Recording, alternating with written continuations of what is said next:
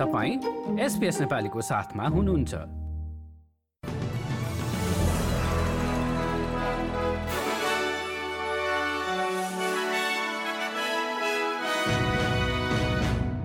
नमस्कार। आज डिसेम्बर तेइस तारिक शुक्रबारको एसपीएस अस्ट्रेलियाली समाचारमा स्वागत छ।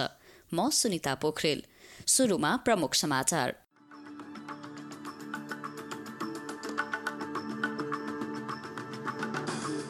इन्डिजिनस भोइस टु पार्लियामेन्टबारे आफ्नो धारणालाई लिएर सांसद एन्ड्रु जीले त्यागे नेसनल्स पार्टी मौसमी अवस्थाका कारण मेलबर्नमा अवतरण गर्नुपर्ने विमानहरूलाई अन्य सहरहरूमा पठाइयो र खेलकुदमा भिक्टोरिया प्रहरीले सोमबार हुने फुटबल खेलमा असामाजिक व्यवहार नहोस् भनेर खेलस्थलमा आफ्नो तैनाथी बढाउने।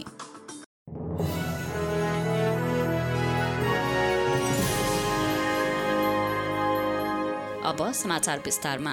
प्रधानमन्त्री एन्थनी अल्पनेजीले संघीय संसदमा एन्ड्रू जीको स्वतन्त्र सांसद बन्ने निर्णयलाई असाधारण भनी व्याख्या गरेका छन्। नेसनल्सका सांसद जीले आफ्नो पार्टीबाट राजीनामा दिने घोषणा गरेपछि प्रधानमन्त्रीको सो भनाइ आएको हो। आदिवासीहरूको आवाज संसदमा राख्ने इन्डिजिनस भोइस टु पार्लियामेन्ट नीतिको विरोध गर्ने पार्टीको कदमसँग सहमति नराख्ने भन्दै उनको राजीनामा आएको हो। प्रधानमन्त्री एल्बनेजीले सांसद जीको निर्णयलाई सम्मान गर्ने तर नेतृत्वमा भएको व्यक्तिको हिसाबले सबै राजनैतिक दलका नेताहरूलाई यो एकताको अवसरलाई खेर जान नदिन पनि आग्रह गरेका A voice to Parliament is not a radical proposition. It's a gracious offer to recognise and give respect to Indigenous Australians, to show that we as a country are mature and that uh, we uh, enhance the way that we see ourselves as well. जीले भने स्वतन्त्र सांसदका रूपमा आफ्नो समुदायका लागि निरन्तर आवाज उठाउने बताएका छन् The Prime Minister has already called me today, and I had a good conversation with him. And so there's a good working relationship there, and I'll look to continue that. New South Wales प्रहरीले इजरायली वाणिज्य दूतावास र एक क्लबमा भएको bomb विस्फोटनको घटनाको चालिसौं जयन्तीका क्रममा समुदायको क्षमता र सहनशक्तिको प्रशंसा गरेको छ। चार दशक अगाडि सिडनीमा रहेको वाणिज्य दूतावासमा भएको बम विस्फोटनमा धेरै मानिसहरू घाइते भएका थिए र कोरोनरको रिपोर्टले सो विस्फोटनको पछाडि प्यालेस्टिनी फिफ्टिन मे समूहको हात रहेको पाएको थियो। त्यस्तै कोरोनर जाँचका क्रममा हकवा क्लबमा समेत भएको ती विस्फोट घटनाहरू अन्तर्राष्ट्रिय आतंकवाद भएको पाइएको थियो। प्रहरीले विवेकहीन हिंसा भएको दिन भन्दै उक्त घटनाको जाँचमा संलग्न भएका अन्तर्राष्ट्रिय विज्ञहरूलाई धन्यवाद दिएको छ। शुक्रबार बिहान मेलबर्नका लागि तय गरिएका हवाई उडानहरूले अन्य शहरहरूमा नै अवतरण गरेका छन्। भारी कुहिरोका कारण ती उडानहरूलाई अन्यत्रै पठाइएको थियो। प्रभावित विमानहरूमध्ये दुई क्राइस्ट चर्चबाट आएका थिए भने एक टोकियोबाट।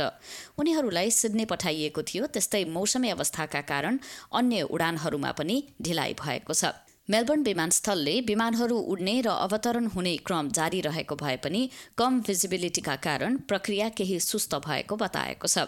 बिहिबार भारी वर्षाका कारण अन्य उडानहरूको समय तालिका पछाडि सारिएको थियो।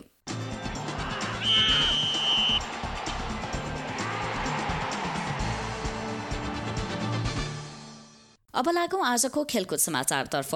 भिक्टोरिया प्रहरीले आगामी हप्ता हुन गइरहेको फुटबल खेलमा हिंसा वा खराब आचरण प्रस्तुत नगर्न प्रशंसकहरूलाई चेतावनी दिएको छ। ए लिग अन्तर्गतको मेलबर्न भिक्ट्री र वेस्टर्न युनाइटेड बीच सोमबार हुने खेल पूर्व प्रहरीको सो चेतावनी आएको हो। गत सप्ताह अन्त्यमा खेल मैदानमा भएको आक्रमणलाई लिएर जारी रहेको प्रहरी कार्यवाही अन्तर्गत झण्डै तीसजना पक्राउ परेका छन् भने छत्तीसजनाको पहिचान गरिएको छ। प्रहरीका अनुसार आपराधिक तोडफोड वा आगो सल्काउने कार्यलाई लिएर सर्वसाधारणबाट जानकारी खोजी राखिएको छ। साथै असामाजिक व्यवहारलाई लिएर चाँडोभन्दा चाँडो कदम चालिने प्रहरीको प्रतिबद्धता आयो। आएको छ।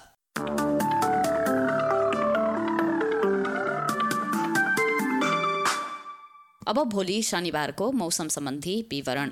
पर्थमा बत्तीस डिग्रीसम्म तापक्रम उक्लँदै मौसम सफा रहनेछ। छब्बिस डिग्री रहने एडिलेटमा अधिकांश समय घाम लाग्ने। मेलबर्नमा तेइस डिग्री अधिकतम तापक्रमका साथ आकाश बादलले ढाक्नेछ भने होबार्टमा आंशिक बदली हुँदै तेइस डिग्री अधिकतम तापक्रम रहेको छ।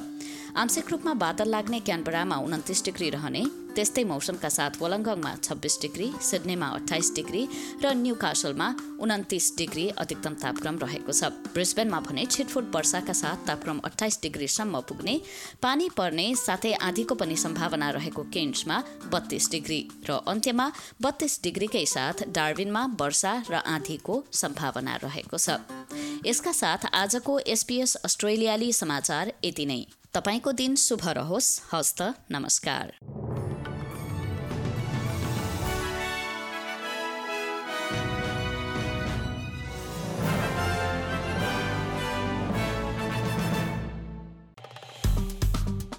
लाइक सेयर र कमेन्ट गर्नुहोस्। एसपिएस नेपालीलाई फेसबुकमा साथ दिनुहोस्।